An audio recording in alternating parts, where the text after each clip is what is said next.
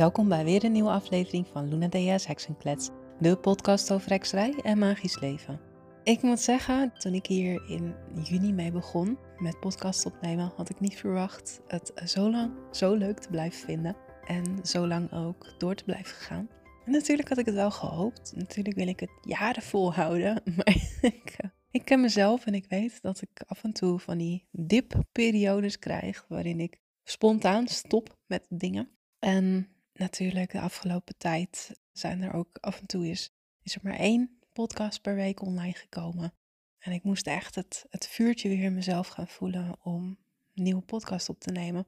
Maar dit is ook de podcast die uitkomt als laatste van het einde van dit jaar. En daar ben ik uh, best een beetje trots op. De laatste is dit van 2023. En heel cliché wil ik het natuurlijk gaan hebben over gebruiken rondom oud en nieuw. Dat doet iedereen nu. Iedereen houdt een uh, eindejaars podcast. Meestal om terug te blikken op het afgelopen jaar. Maar goed, dat, uh, dat ga ik niet doen. Ik ga ook niet aan het begin zometeen. Volgende komt precies 1 januari uit. Ik ga ook niet vooruitblikken of iets dergelijks. Uh, ik ga proberen echt wel rondom de thema's tradities, gebruiken, rituelen, etc. te houden. En ja, oud en nieuw is wel zo'n feestdag die helemaal omkleed is met allerlei tradities. Ik bedoel, iedereen die oud en nieuw viert, die weet dat er oliebollen gegeten worden, appelflappen, appelbeignets, dat soort dingen. Dat je proost op het nieuwe jaar. Dat je samen wat drinkt en klinkt ook, proosten. Dat je nieuwe wensen maakt voor het nieuwe jaar en dat soort dingen. En natuurlijk het vuurwerk. Al die gebruiken zijn zo normaal voor ons. Maar als je dan gaat kijken naar andere landen, dan wordt er op een hele andere manier oud en nieuw gevierd. Veel minder vuurwerk. Hier in Nederland mag ieder huishouden vuurwerk afsteken. In de meeste landen wordt het centraal door de gemeente geregeld. En is er maar één show en verder niet. Het, het eten van oliebollen is echt Nederlands. Dat kennen ze bijna nergens. Het proosten met champagne wordt natuurlijk wel gedaan. Dat is ook heel Amerikaans, zie je in al die films. En daardoor is het heel erg ja, de wereld over gegaan. En het bij elkaar komen is natuurlijk wel, wel iets wat overal gebeurt. Maar de oliebollen, dat is echt een Nederlands gebruik. En daar wil ik het over gaan hebben, onder andere. Want oud en nieuw en het vuurwerk afsteken, dat is echt, nou niet zozeer het vuurwerk, het oude, want het vuurwerk is pas sinds de 18e eeuw door de elite, door de adel, naar Nederland gehaald. En om iets moois te, te doen, wat ja, behalve in China dan verder nergens werd gedaan. Dus dat is een vrij nieuw iets. Maar wat ouder is, is het lawaai maken. En het lawaai maken met oud en nieuw. Ik heb dat, ik doe het met de kinderen, heb ik dat heel lang gedaan met oud en nieuw. Dan gaf ik ze deksels en potten en pannen en lepels en lekker veel lawaai maken rondom een vuurtje. En echt het, het, het verjagen van het donker is dat. En dat is wel een heel oud gebruik. En dat heeft te maken met de wilde jacht. En de wilde jacht is een mythologisch verhaal wat je rondom deze donkere nachten, de jultijd, heel erg terug ziet komen. Maar dat kan nog doorgaan tot aan Pasen, Pinksteren ongeveer. Ik kom zelf uit de Zaanstreek. En in de Zaanstreek heb je rondom de Pinkster, rondom Pinksteren, voorafgaand aan Pinksteren, de nacht van Pinksteren, wordt er lawaai gemaakt. Om de mensen die lui zijn, luilak wordt het ook genoemd, die traditie, om die vroeg hun bed uit te trommelen en te zorgen dat de mensen niet lui zijn. En die traditie, dat is ook de oude traditie van de wilde jacht. Dus ik vind het heel mooi om te zien hoe dat zo overeenkomt. In de Zaanstreek ging het dus echt, dat heette luilak. En dat was echt bedoeld om de kinderen gingen de straat op en die gingen kattenkwaad uit te halen, rottigheid uithalen. Het gebruik was om met wilgetakken de deuren vast te zetten. En dan heel veel lawaai te maken, zodat de mensen boos naar buiten zouden stormen, maar de deur zit dicht en dan moeten ze door het raam heen klimmen om buiten te kunnen komen. Nou, dat soort rottigheid wordt er dan uitgehaald. De deuren zouden ingesmeerd worden met boter vooral. En dat vind ik wel grappig, want dat met boter besmeren, dat zie je meer terug rondom de gebruiken rond pergta. En dat komt hier overheen met de oliebol. Kom ik later op. En het fenomeen van mensen die lui zijn, worden benadeeld. Dat komt ook weer overeen met de tradities van de wilde jacht rondom Perchta en vrouw Holle. Voor degenen die echt geen idee hebben wie Perchta is, dat is een wintergodin. En een wintergodin met een goede en een slechte kant, gezicht. Zij heeft een donker gezicht en ook een goed gezicht. En zij zou ook dezelfde zijn als vrouw Holle, die ook een goede kant en een slechte kant heeft. Beide godinnen, beide wintergodinnen, belonen vlijt, huisvlijt en uh, benadelen luiheid. En de wilde jacht wordt met hun in verband gebracht, maar wordt ook met Wodan en Odin in verband gebracht. De wilde jacht wordt ook in verband gebracht met Kernunnels en, of Cernunnels. Ik weet nooit zeker of je nou Cernunnels zegt of Kernunnels. En dat is wel weer een Keltische godheid. De godheid die met rondom 1 mei de wilde jacht houdt. Maar dan in verband met vruchtbaarheid. Kernunnels jaagt op de vrouwen om hun vruchtbaarheid te schenken. En dat zie je weer ook, ook weer, komt dat weer overeen met Bergta en Wodan. Nou, Wodan gaat met zijn dodenleger door het lucht heen. En het dodenleger die beloont de mensen die goed doen. Met vruchtbaarheid, met welvaart, met allerlei goede dingen. Maar verjaagt tevens ook de slechtheid en verjaagt tevens ook de demonen en ja, narigheid uit de huizen. Dat is het terugkerende thema van alle verschillende mythologieën rondom de wilde jacht. Nou, ik zal ze één voor één vertellen en uitleggen. En daarin zal je ook weer dingen herkennen van Sinterklaas, van de kerstman. En dan merk je dus dat heel veel van die verhalen continu weer met elkaar te maken hebben. Bij Wodan, Wodan rijdt in zijn wagen, getrokken door zijn paard snijpt neer, door de lucht heen, gevolgd door zijn dode leger. Het leger van zwarte gedaanten, geesten, die de, ja, als je, als je gevallen bent in de strijd, dan kom je in het leger van Odin of Wodan terecht. En die zwarte gedaanten, die keren dan naar de aarde toe om daar alle andere, nog duisterdere gedaanten weg te jagen.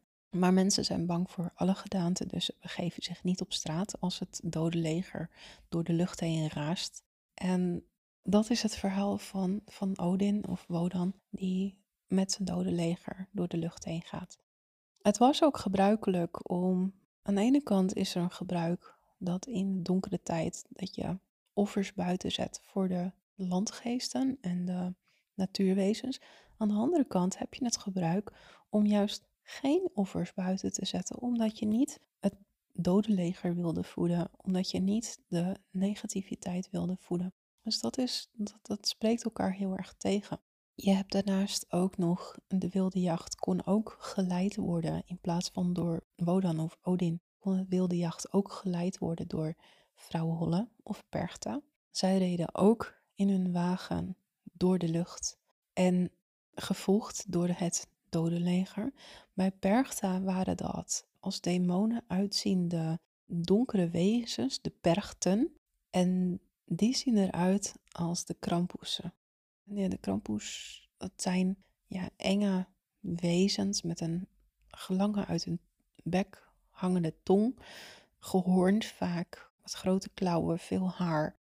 En die wezens zie je heel veel terug in Oostenrijk en Duitsland zijn er veel van dat soort krampoeslauven, waarbij mensen verkleed als die krampoeswezens met maskers op en zo de straat op gaan als het Krampusleger van Perchta met een roe in de hand en zij belonen goedheid door te slaan met de roe en tegelijkertijd met ja, de roe staat voor het brengen van vruchtbaarheid. Hè? Dus ze gaan vooral achter vrouwen aan om die met de roe te slaan. En dat is niet negatief.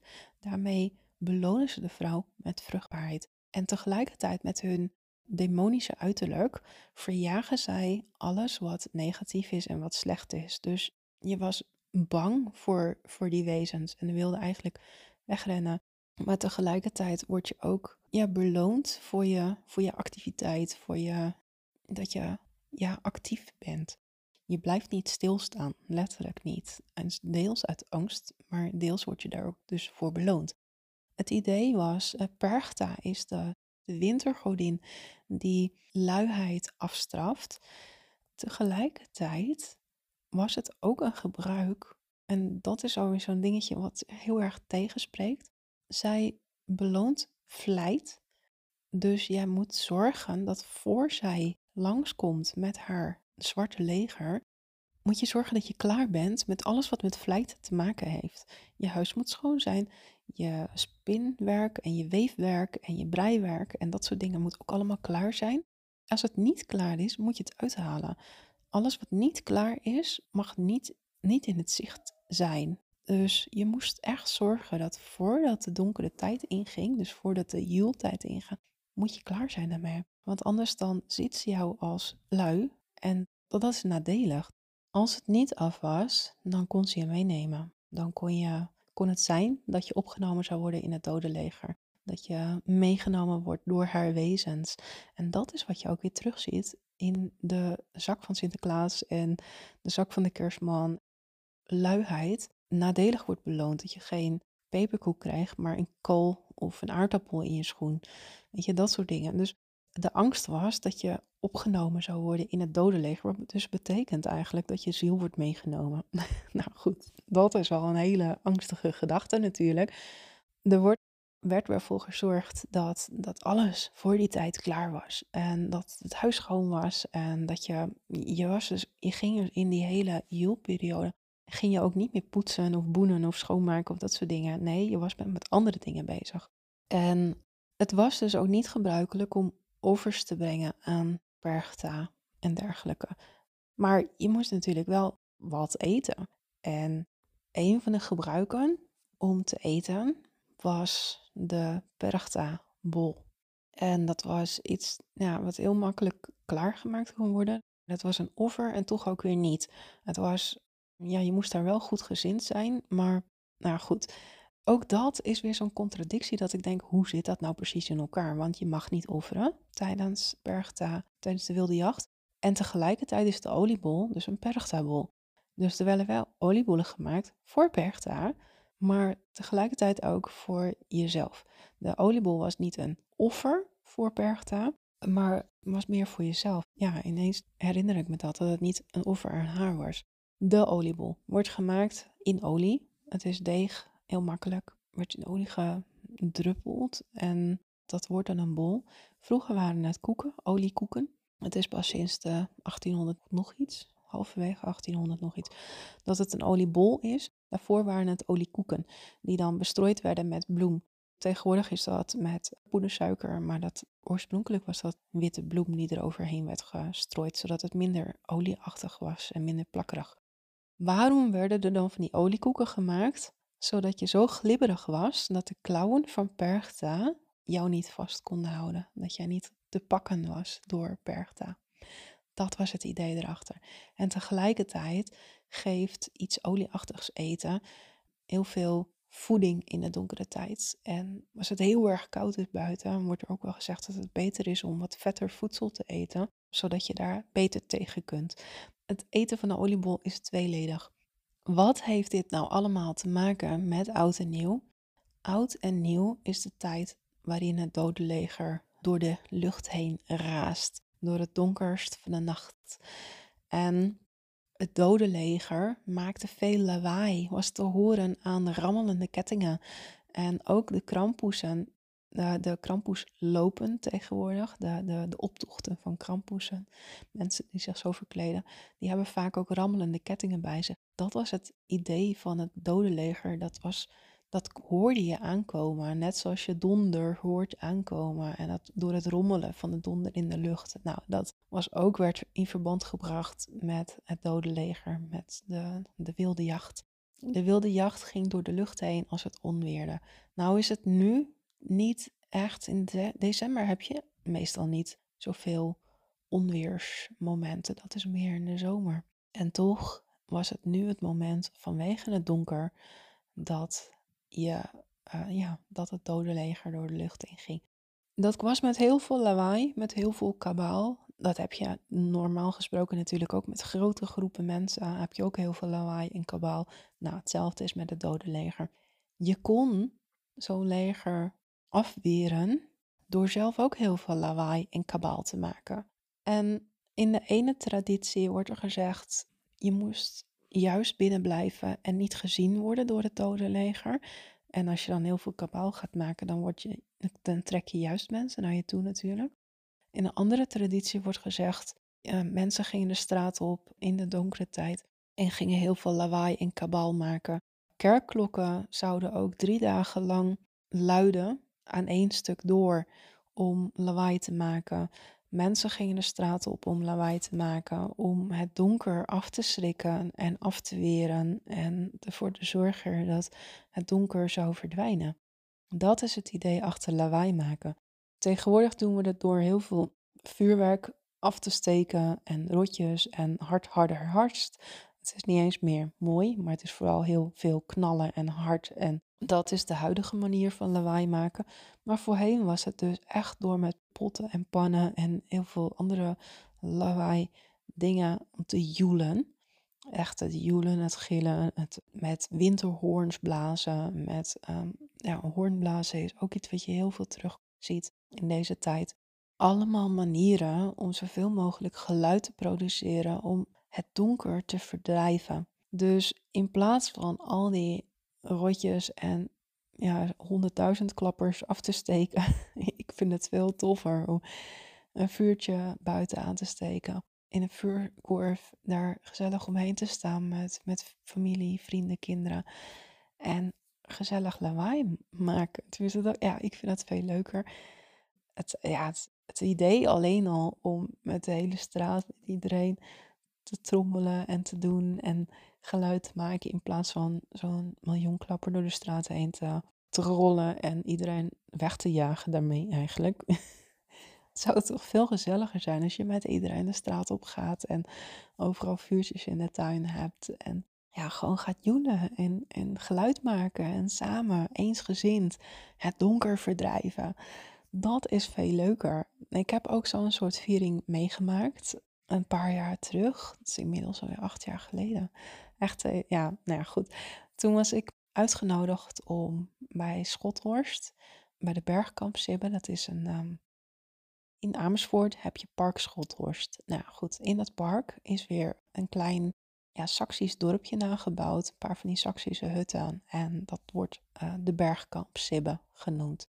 Is super mooi om te zijn. Het ziet er heel leuk uit. Ze hebben ook een aantal keer per jaar hebben ze vieringen.